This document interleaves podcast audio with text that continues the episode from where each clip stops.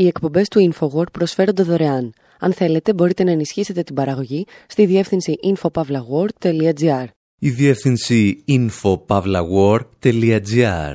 Η εκπομπή InfoWord με τον Άρη Χατζηστεφάνου.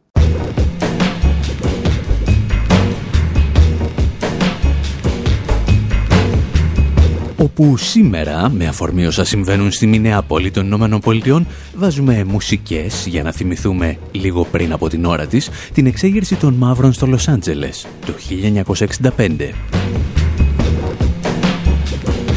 Αναρωτιόμαστε τι κέρδισε έκτοτε ο μαύρος πληθυσμός στον ΗΠΑ και απαντάμε όχι και πολλά. Ύστερα δηλώνουμε εκνευρισμένοι από έναν τίτλο που διαβάσαμε για τον κορονοϊό και τη Θεία Κοινωνία. Εκείνο τον τίτλο που έλεγε «Ρωτήσαμε οκτώ επιστήμονες για τη Θεία Κοινωνία». Κανείς δεν ήθελε να μιλήσει δημόσια. Θυμόμαστε μερικούς επιστήμονες που μίλησαν δημόσια εναντίον της Εκκλησίας, όπως ο Τζορτάνο Μπρούνο, και το πλήρωσαν με τη ζωή τους. Αναρωτιόμαστε και πάλι αν έχουν αλλάξει πολλά από την εποχή που η Ιερά Εξέταση κυνηγούσε τον Γαλιλαίο.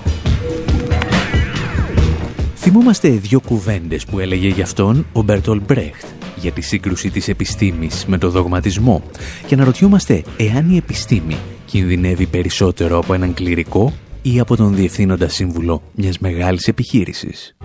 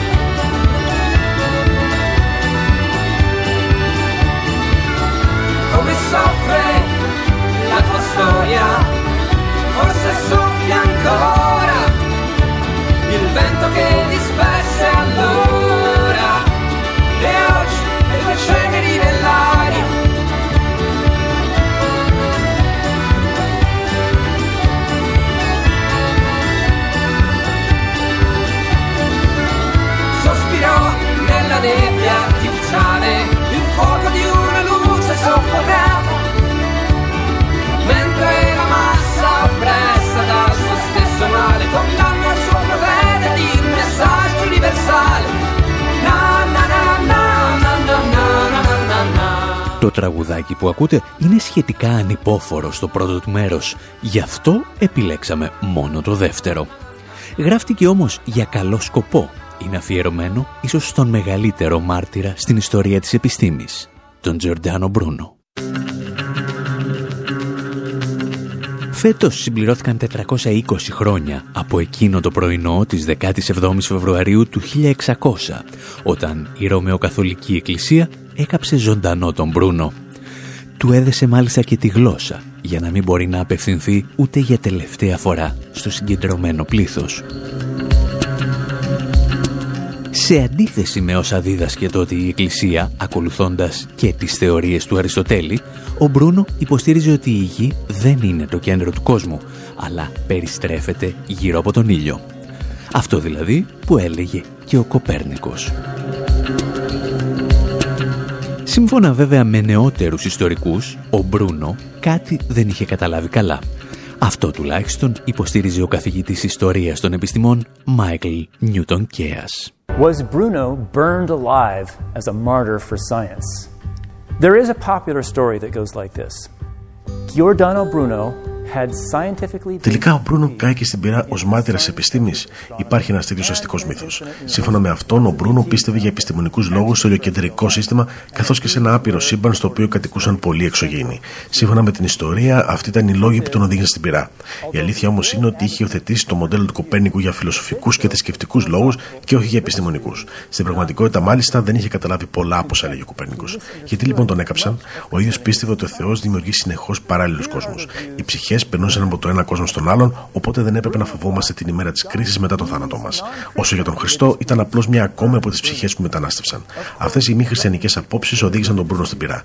Έχουμε λοιπόν μια τραγική ιστορία, αλλά ο Μπρούνο δεν ήταν ένας μάρτυρας της επιστήμης. Ήταν μάρτυρας της θρησκείας, η οποία έχει μεταφιαστεί σε επιστήμη. If anything, he was a martyr for religion. Religion dressed up as science. Η άποψη του Μάικλ Νιούτον Κέας είναι σίγουρα ενδιαφέρουσα και σήμερα την ασπάζεται ένα μεγάλο τμήμα των ιστορικών. Κατά τη γνώμη μας όμως είναι ελαφροσάδικη. Κυρίως γιατί απομακρύνει τη σκέψη του Μπρούνο από το πλαίσιο της εποχής του και φαίνεται να τον κρίνει με τα δεδομένα της δικής μας εποχής. Γιατί στην εποχή του Μπρούνο τα σύνορα μεταξύ της επιστήμης και της θρησκείας, όπως τα καταλαβαίνουμε σήμερα, δεν ήταν και τόσο σαφή. Ο Έγγελς από την πλευρά του θα γράψει ότι η εποχή στην οποία έζησε ο Μπρούνο απαιτούσε γίγαντες και παρήγαγε γίγαντες. Τότε, έλεγε, έζησαν οι άνθρωποι που δημιούργησαν τις συνθήκες για τη δημιουργία της αστικής τάξης, αλλά δεν είχαν στο μυαλό τους κανέναν από τους περιορισμούς που επιβάλλει αυτή η αστική τάξη. Στο ίδιο κείμενό του μάλιστα, ο Αγγέλος μας θυμίζει ότι σχεδόν μισό αιώνα πριν οι καθολικοί κάψουν τον Μπρούνο, οι προτεστάντες είχαν κάψει τον επιστήμονα αλλά και θεολόγο Μιχαήλ Σερβέτο στη Γενέβη. Και το έκαναν, λέει, ακριβώς τη στιγμή που ετοιμαζόταν να εξηγήσει την κυκλοφορία του αίματος στον ανθρώπινο οργανισμό. Παρεπιπτόντος, ο Έγγελς ενδεχομένως να δείχνει και μία ελάχιστη προτίμηση στους καθολικούς, γιατί έκαψαν τον Μπρούνο με τη μία. Αντίθετα, οι προτεστάντες κράτησαν τον Σερβέτο να καίγεται ζωντανός για δύο ώρες. Το βέβαιο είναι πάντως ότι ο Μπρούνο και ο Σερβέτο εκτελέστηκαν με τον πιο φρικτό τρόπο γιατί αρνήθηκαν να αποκηρύξουν τις απόψεις τους. Και εμείς τα θυμηθήκαμε όλα αυτά όταν πριν από μερικές ημέρες διαβάσαμε ότι το News 247 ρώτησε οκτώ επιστήμονες αν ο κορονοϊός μεταδίδεται με το κουταλάκι της Θείας Κοινωνίας και κανένας από τους οκτώ δεν τόλμησε να απαντήσει δημοσίως. 420 χρόνια από τη στιγμή που ο Τζορντάνο Μπρούνο προτίμησε να καεί ζωντανός για τις ιδέες του, η ελληνική εκκλησία καταφέρνει να φημώνει μεγάλο τμήμα της ελληνικής επιστημονικής κοινότητας.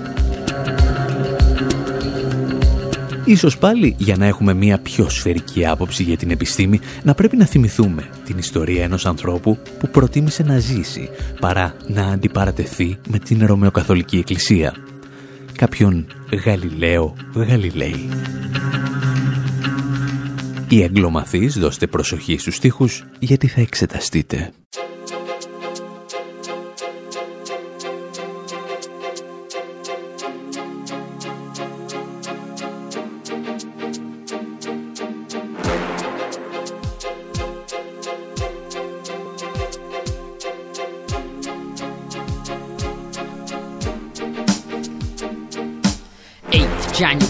1564, that's when Galileo Galilei died of sickness. His ideas and propositions caused an uproar, being arrested for suggesting a scientific view, showing why the popular one was due for review. Rights being guilty of heresy, but if he hadn't been alive, what would it be like today with blindness to the highest degree?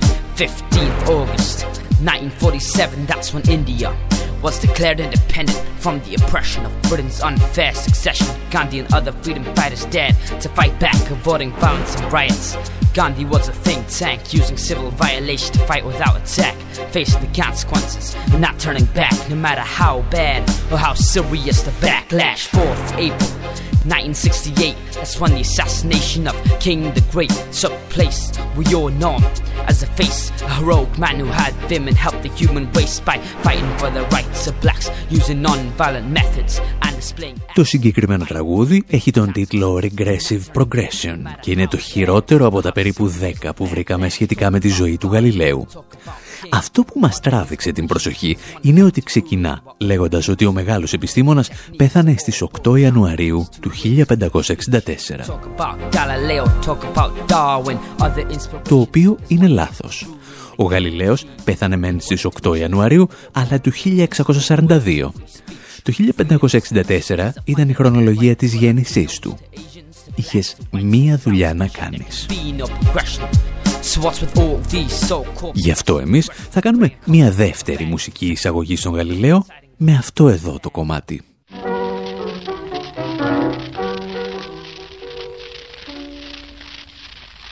When the Almighty made the universe He made the earth and next he made the sun Then round the earth he made the sun to turn. That's in the Bible, Genesis book one. And since that time, all beings here below were in obedient circles meant to go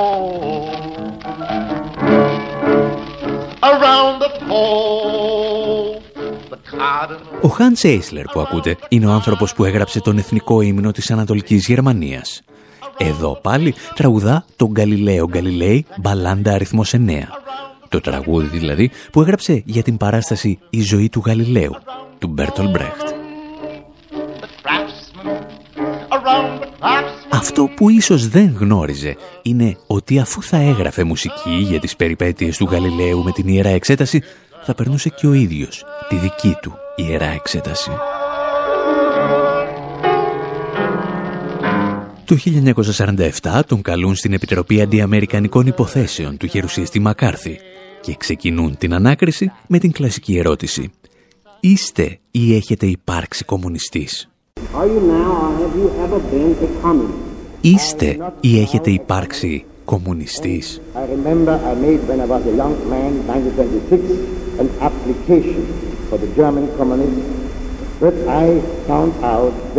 Ο Έισλερ εξηγεί ότι δεν είναι κομμουνιστής, αν και είχε κάνει μια αίτηση για ένταξη στο Κομμουνιστικό Κόμμα Γερμανίας πριν από το Δεύτερο Παγκόσμιο Πόλεμο. Οι ιεροεξεταστές του πάντως δεν θα τον πιστέψουν, όπως και η Ιερά Εξέταση δεν πίστεψε πραγματικά τον Γαλιλαίο όταν απαρνήθηκε τη θεωρία του ότι η γη περιστρέφεται γύρω από τον ήλιο. Οι ανακριτές του τον αποκαλούν τον Κάρολο Μάρξ της μουσικής και δεν τους συγχωρούν ότι είχε γράψει εκείνο το κομματάκι με τίτλο «Ο ύμνος της Κομιντέρν». Το τραγούδι που έλεγε μεταξύ άλλων «Η Κομιντέρν σε καλή, σήκωσε το σοβιετικό λάβαρο, σήκωσε το σφυρί και το δρεπάνι».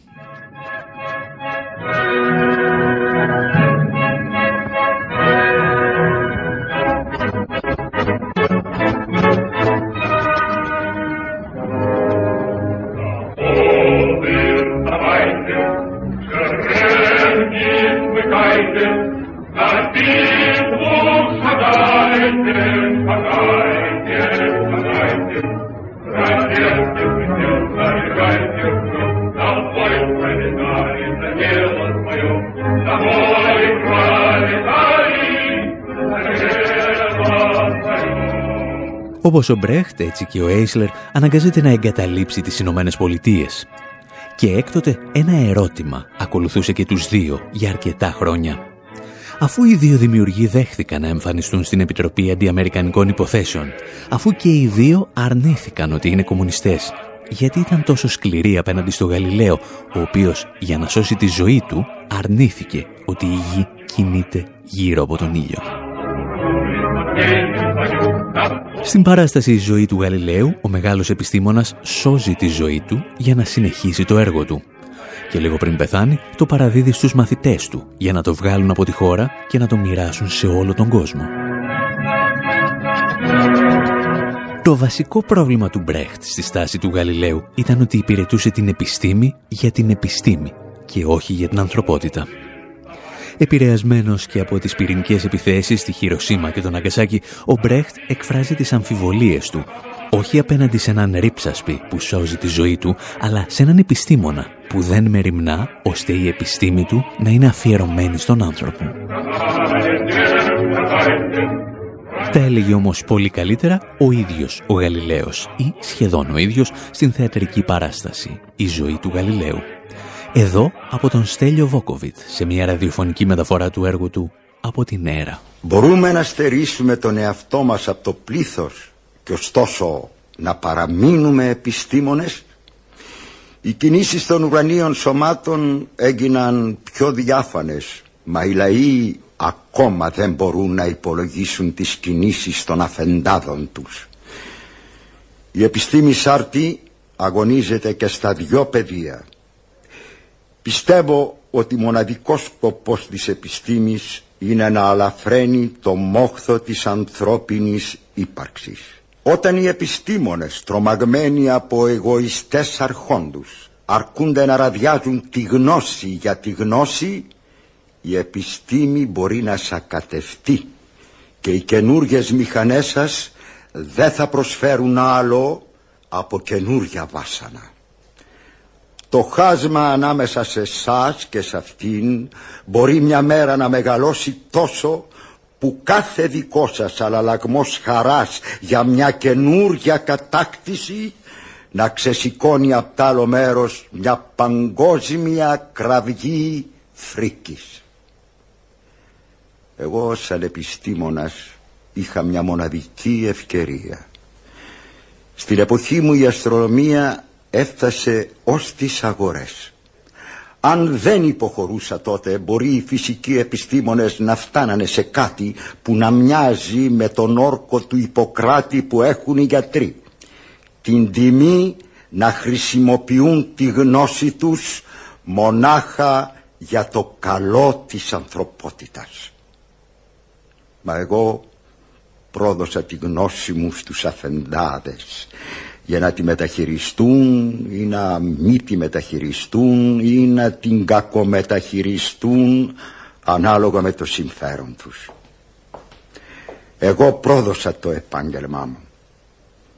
Ένας άνθρωπος που κάνει αυτό που έκανα εγώ δεν έχει πια θέση ανάμεσα στους επιστήμονες.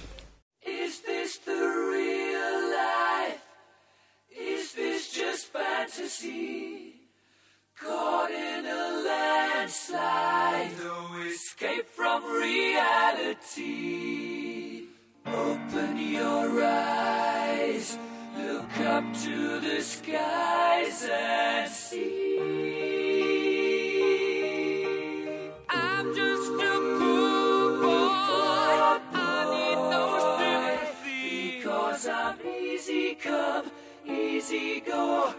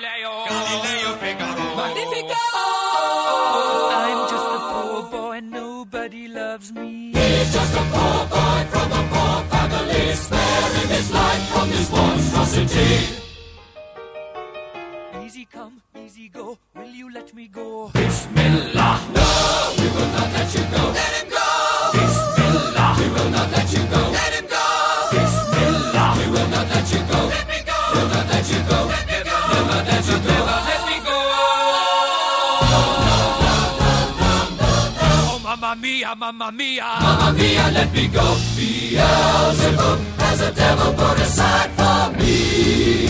For me. For me.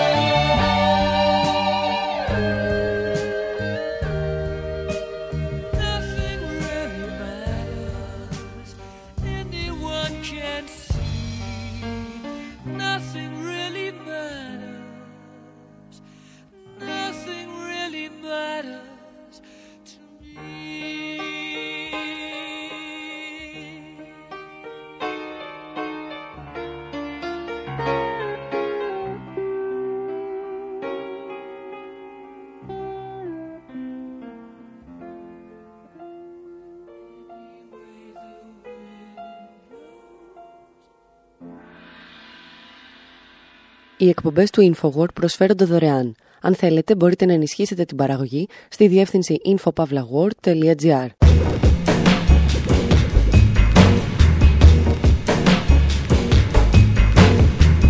Η εκπομπή Infowar με τον Άρη Χαντιστεφάνου. Όπου με αφορμή την εξέγερση στη Μινεάπολη των Ηνωμένων Πολιτειών διηγούμαστε τρεις διαφορετικές αλλά απόλυτα συνδεδεμένες ιστορίες. Ταξιδεύουμε 55 χρόνια πίσω για να θυμηθούμε μία από τις μεγαλύτερες εξεγέρσεις μαύρων στην ιστορία της Αμερικής. Μία εξέγερση η οποία παρουσιάστηκε από τα μέσα ενημέρωσης με τον ίδιο ακριβώς τρόπο όπως και αυτή της Μινεάπολης σήμερα. Αφήνουμε την Νίνα Σιμών να μας εξηγήσει τι πιστεύει για τις εξεγέρσεις των μαύρων και για τη μη βία του Μάρτιν Λούθερ Κίνγκ. Και ύστερα δίνουμε το λόγο στον Μάρτιν Λούθερ Κίνγκ να διαψεύσει ελαφρώς την Νίνα Σιμών. Wednesday I watched the riot. I seen the cops out on the street. I watched them throwing rocks and stuff and choking in the heat. Ο Φρανκ Ζάπα τραγουδά για μία από τις μεγαλύτερες εξεγέρσεις στην ιστορία των Ηνωμένων Πολιτειών.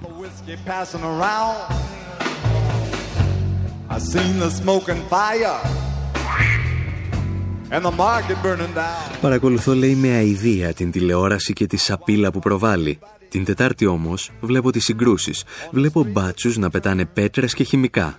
Δεν υπάρχει τρόπος να το αναβάλεις. Αυτά τα προβλήματα θα επανέρχονται κάθε ημέρα.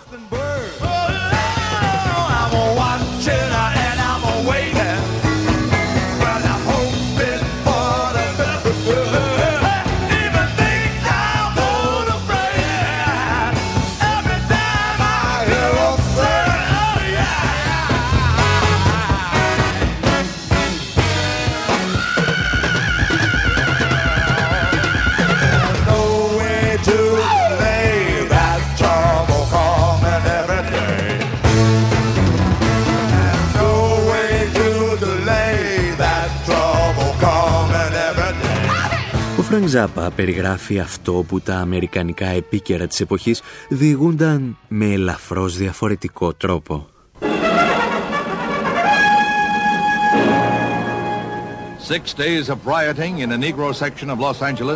Έξι ημέρες ταραχών στην περιοχή των Νέγρων του Λος Άντζελες άφησαν πίσω τους σκηνές βομβαρδισμένης πόλης. Τουλάχιστον 100 οικοδομήσιμα τετράγωνα καταστράφηκαν από φωτιές και πλιατσικολόγους. Λίγα μονοκτήρια έμειναν άθικτα. and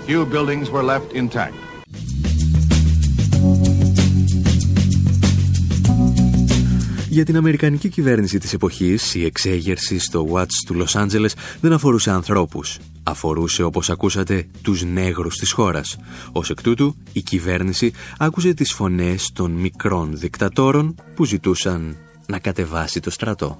It took the appearance of 14,000 troops to bring an end to what Χρειάστηκε η both παρουσία Negro and 14.000 Spanish στρατιωτών για να τερματιστεί αυτό που οι λευκοί και νέγροι ηγέτες χαρακτηρίζουν σαν ανταρσία βανδάλων. Οι οργανώσεις για τα δικαιώματα του πολίτη καταδίκασαν την αναρχία, ενώ ο Μάρτιν Λούθερ Κίνγκ υποσχέθηκε να κάνει ό,τι περνά από το χέρι του για να μην υπάρξει επανάληψη των επεισοδίων στο Λος Άντζελες ή οπουδήποτε αλλού.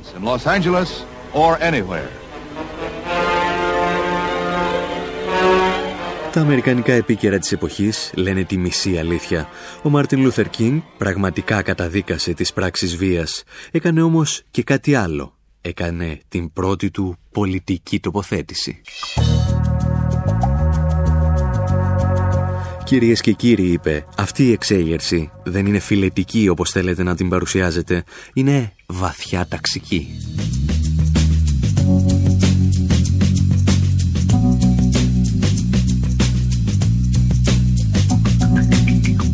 Και είχε δίκιο. Οι μαύροι του Λος Άντζελες ήταν οι αποκλεισμένοι του Αμερικανικού ονείρου. Ήταν οι αποκλεισμένοι μιας οικονομίας που είχε αρχίσει να κουράζεται από την τρομακτική ανάπτυξη που ακολούθησε από το Δεύτερο Παγκόσμιο Πόλεμο. Με την εξέγερσή τους δίνουν τα πρώτα μηνύματα της επερχόμενης οικονομικής κρίσης. Αλλά κανένας δεν θέλει να τους ακούσει. Όλοι προτιμούν να τους αντιμετωπίζουν σαν βάνδαλους πλιατσικολόγους. Όλοι εκτός από αυτόν εδώ τον κύριο.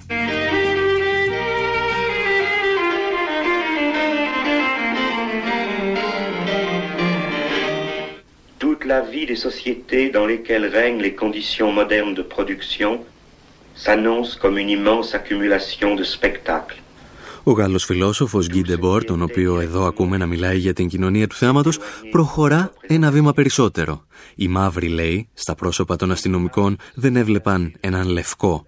Έβλεπαν τον προστάτη του κυρίαρχου οικονομικού συστήματος.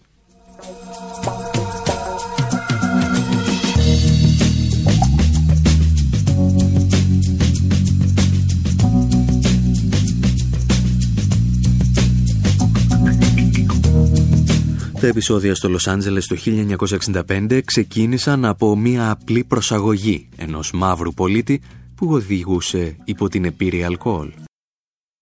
The name of this tune is Mississippi Goddamn.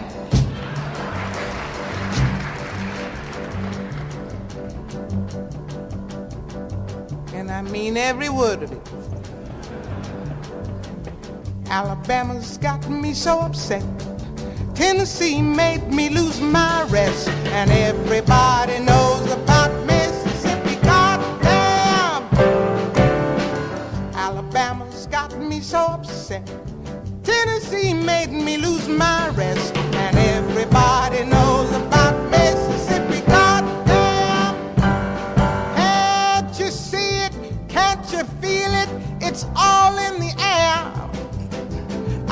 can't stand the pressure much longer. Somebody say a prayer. Alabama's got me so upset. Tennessee made me lose my rest. And everybody knows about Mississippi. Goddamn! This is a show tune, but the show hasn't been written for it yet.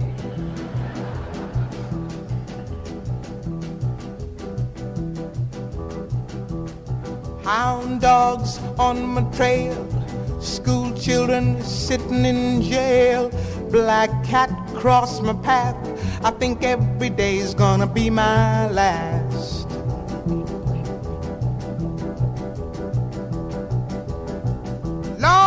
Have mercy on this land of mine. We all gonna get it in due time. I don't belong here, I don't belong there. I've even stopped believing in prayer.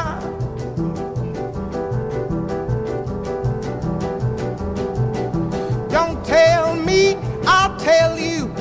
Me and my people just about do. I've been there, so I know. Keep on saying, go slow.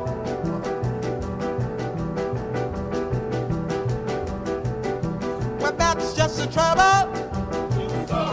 Washing the windows, picking the cotton. You're just plain rotten.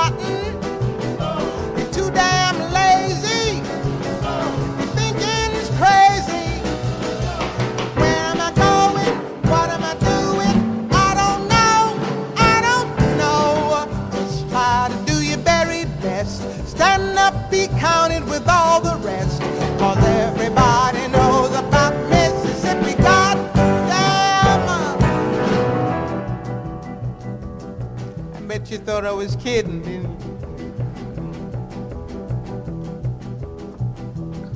picket lines, school boycotts. They try to say it's a communist plot. All I want is equality for my sister, my brother, my people, and me.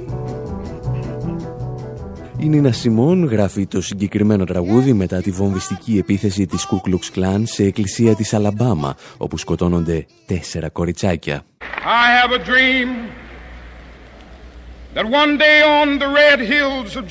Έχω ένα όνειρο ότι μία ημέρα στους κόκκινους λόφους της Τζόρτζια οι γιοι των πρώην σκλάβων και οι γιοι των ιδιοκτητών τους θα μπορούν να καθίσουν μαζί στο τραπέζι της αδελφοσύνης. will they be able to sit down together at the table of brotherhood? Alabama's got me so upset. Tennessee made me lose my rest. Είναι η εποχή που ο Μάρτιν Λούθερ Κίνγκ μιλά ακόμη για το γλυκανάλατο όνειρό του μιας επανάστασης χωρίς βία. See it? Can't you feel it? It's all in the Η Νίνα Σιμών όμως, όσο και αν τον λατρεύει, έχει τις δικές της απόψεις για το πώς πρέπει να αλλάξει ένα σύστημα που εξακολουθεί να αντιμετωπίζει τον μαύρο πληθυσμό σαν σκλάβους. Η λύση που προτείνει είναι η ένοπλη πάλι εναντίον των λευκών καταπιεστών. Mississippi. God damn. Είναι η αναμενόμενη βίαιη απάντηση απέναντι σε ένα σύστημα που έχει αποδείξει ότι δεν δέχεται καμία άλλη μέθοδο συνδιαλλαγής εκτός από τη βία.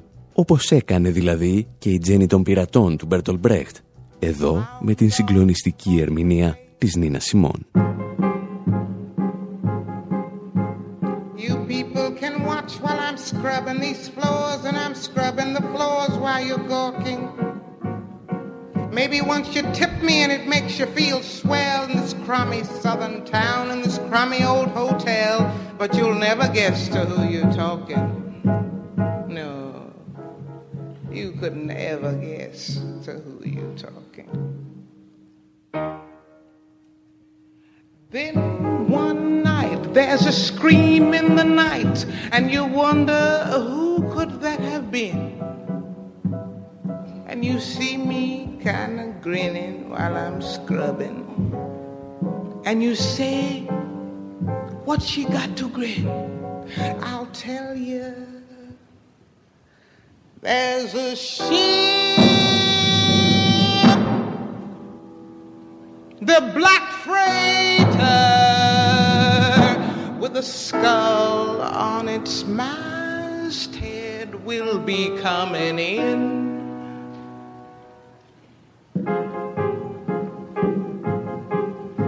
You gentlemen can say, hey gal, finish them floors, get upstairs. What's wrong with you? Earn your keep here.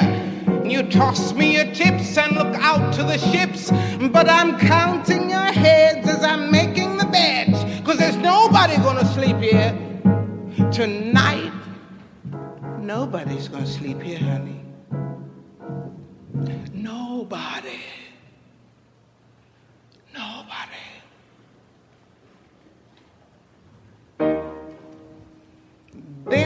Night there's a scream in the night, and you say, Who's that kicking up a row? And you see me kind of staring out the window. And you say, What she got to stare at now? I'll tell you, there's a ship. The black freighter turns around in the harbor, shooting guns from her bow. Η ηρωίδα του τραγουδιού στρώνει καθημερινά τα σεντόνια σε ένα κακόφημο ξενοδοχείο κοντά στο λιμάνι και οι πελάτες για μερικές δεκάρες πιστεύουν ότι είναι υποχρεωμένοι να τους κάνει όλα τα χατήρια. Μέχρι που μια μέρα φτάνει στο λιμάνι ένα πειρατικό με 50 κανόνια και οι πειρατές ισοπεδώνουν τα πάντα. Τα πάντα εκτός από εκείνο το κακόφημο ξενοδοχείο. Why do they spare that one? Οι πειρατές έχουν έρθει για να σώσουν την Τζέννη και να κάνουν ό,τι τους ζητήσει. Και αυτή τους ζητά να μην αφήσουν κανέναν ζωντανό. You wonder who is that person that lives up there; And you see me stepping out in the morning, looking nice with a ribbon in my hair. Πριν όμως η Τζέννη των πειρατών βάλει φωτιά σε ό,τι την καίει, σε ό,τι της τρώει την ψυχή, έχει να υποστεί ακόμη πολλές ταπεινώσεις, να δώσει μάχες και να τις κερδίσει.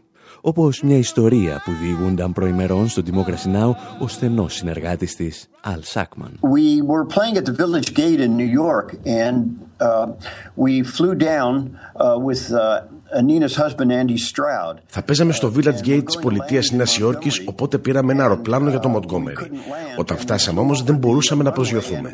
Ο κυβερνήτης τη Αλαμπάμα είχε στείλει απορριμματοφόρα και είχε γεμίσει τον αεροδιάδρομο για να μην μπορέσουμε να προσγειωθούμε.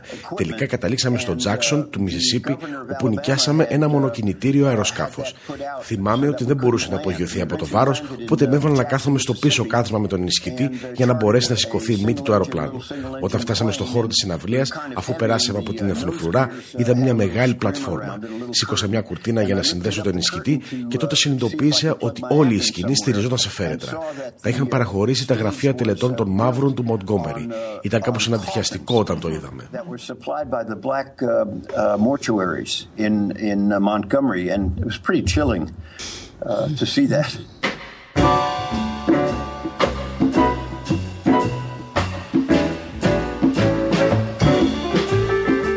Νίνα Σιμών θα παραμείνει πιστή στις απόψεις της για την ανάγκη μιας επανάστασης με την απαραίτητη δόση βίας.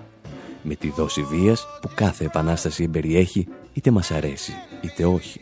Και παραδόξως ο Μάρτιν Λούθερ Κίνγκ αντί να απομακρύνεται μάλλον έρχεται σταδιακά πιο κοντά της καθώς συνειδητοποιεί και τα ταξικά χαρακτηριστικά της μάχης που έχει μπροστά του.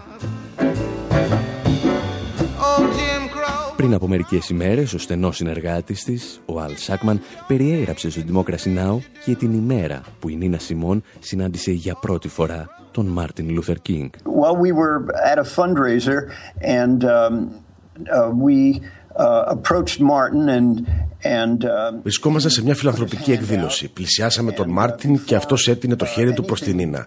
Και πριν συμβεί οτιδήποτε, αυτή τον κοίταξε στα μάτια και του είπε: Δεν είμαι οπαδός της μη βίας. Αυτός της απάντησε: Δεν υπάρχει κανένα πρόβλημα. Δεν χρειάζεται να είσαι. Έσφιξαν τα χέρια και ακολούθησε μια πολύ ζεστή κουβέντα.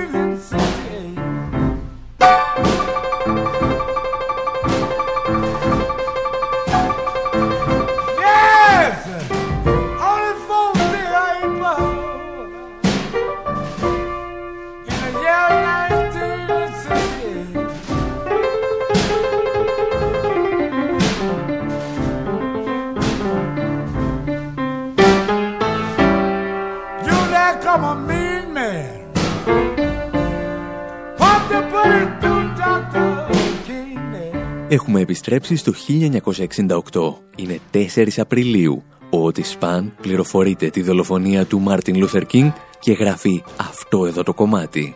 Ένα blues μυρολόι για μια είδηση που στα νυχτερινά δελτία ειδήσεων ακουγόταν κάπως έτσι. Direct from our newsroom in Washington, in color, this is the CBS Evening News with Walter Cronkite. Good evening. Martin Luther King, the apostle of non-violence in the civil rights movement, has been shot to death in Memphis, Tennessee. Ο παρουσιαστής στις πρώτες του λέξεις χαρακτηρίζει τον Μάρτιν Λούθερ Κίνγκ «απόστολο της μη βίας». Έτσι δηλαδή όπως θα τον καταγράψουν και τα αμερικανικά βιβλία ιστορίας. Έτσι όπως θα τον κλάψει τρεις ημέρες αργότερα και η Νίνα Σιμών. Εδώ σε ζωντανή ηχογράφηση στις 7 Απριλίου του 1968. We want to do a tune written for today, for this hour, for Dr. Martin Luther King.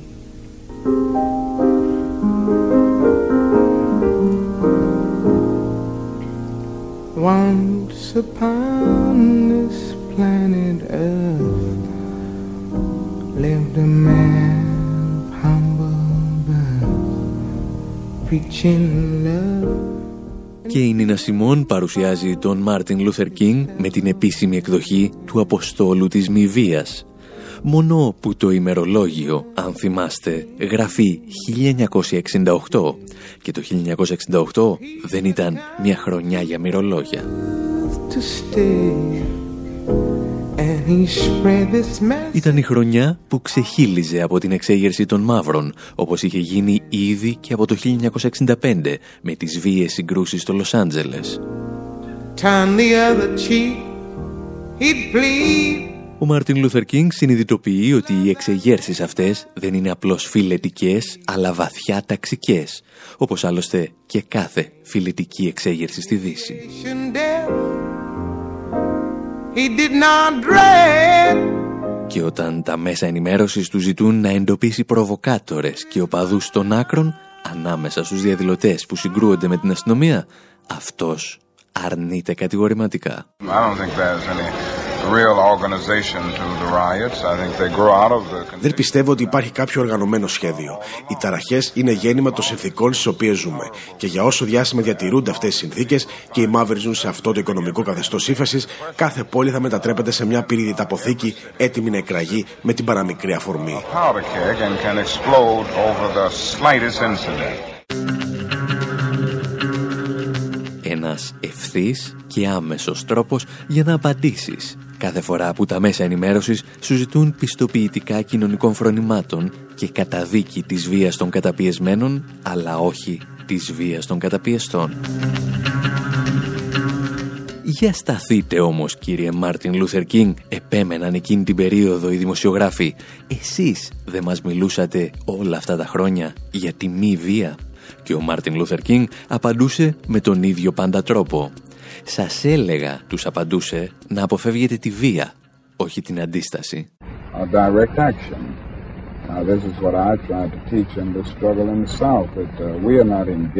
Αυτό που διδάσκω στις πολιτείες του Νότου είναι η άμεση δράση του πληθυσμού. Δεν είπα ποτέ ότι θα μείνουμε ακίνητοι και δεν θα κάνουμε τίποτα. Υπάρχει μεγάλη διαφορά ανάμεσα στη μη βία και τη μη αντίσταση. Η μη αντίσταση σε κάνει απαθή και συνένοχο του προβλήματος. Η μη βία αντίσταση σημαίνει ότι αντιστέκεσαι με πολύ σκληρό και αποφασιστικό τρόπο. Resistance means that you do resist in a very strong and determined manner. Οι εξεγέρσεις στις συνοικίες των μαύρων ριζοσπαστικοποιούν περαιτέρω το λόγο και τις πράξεις του Μάρτιν Λούθερ Κίνγκ. Καταλαβαίνει και ο ίδιος ότι η φιλετική ισότητα περνά μέσα από την οικονομική δικαιοσύνη και αυτή απαιτεί μια τεράστια αναδιανομή του πλούτου. Μια διαδικασία αρκετά βίαιη. Και όταν τα κατάλαβε όλα αυτά, ήρθε η βία του συστήματος να διακόψει τις σκέψεις του. Οι σφαίρες που έπεσαν στο δωμάτιο 306, σε εκείνο το ξενοδοχείο του Μέμφις, σκότωσαν μαζί και τη χήμερα της μη βίας. Η Μία από τις λεπτομέρειες που συνήθως αποσιωπούνται από τις επετείους για τη δολοφονία του Μάρτιν Λούθερ Κίνγκ είναι ότι τα επόμενα 24 ώρα η Αμερική βάφτηκε στο αίμα. Rioting broke out in more than 100 cities. 20,000 Army regulars. Ταραχές ξέσπασαν σε τουλάχιστον 100 πόλεις των Ηνωμένων Πολιτειών. 20.000 στρατιώτες και 34.000 εθνοφρουροί κινητοποιήθηκαν. Στο Σικάγο, ο δήμαρχος της πόλης έδωσε στην αστυνομία την εντολή να πυροβολεί και να σκοτώνει όσους δεν υπακούν. Σε ολόκληρη τη χώρα σκοτώθηκαν 46 άνθρωποι.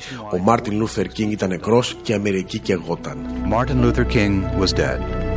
America was burning.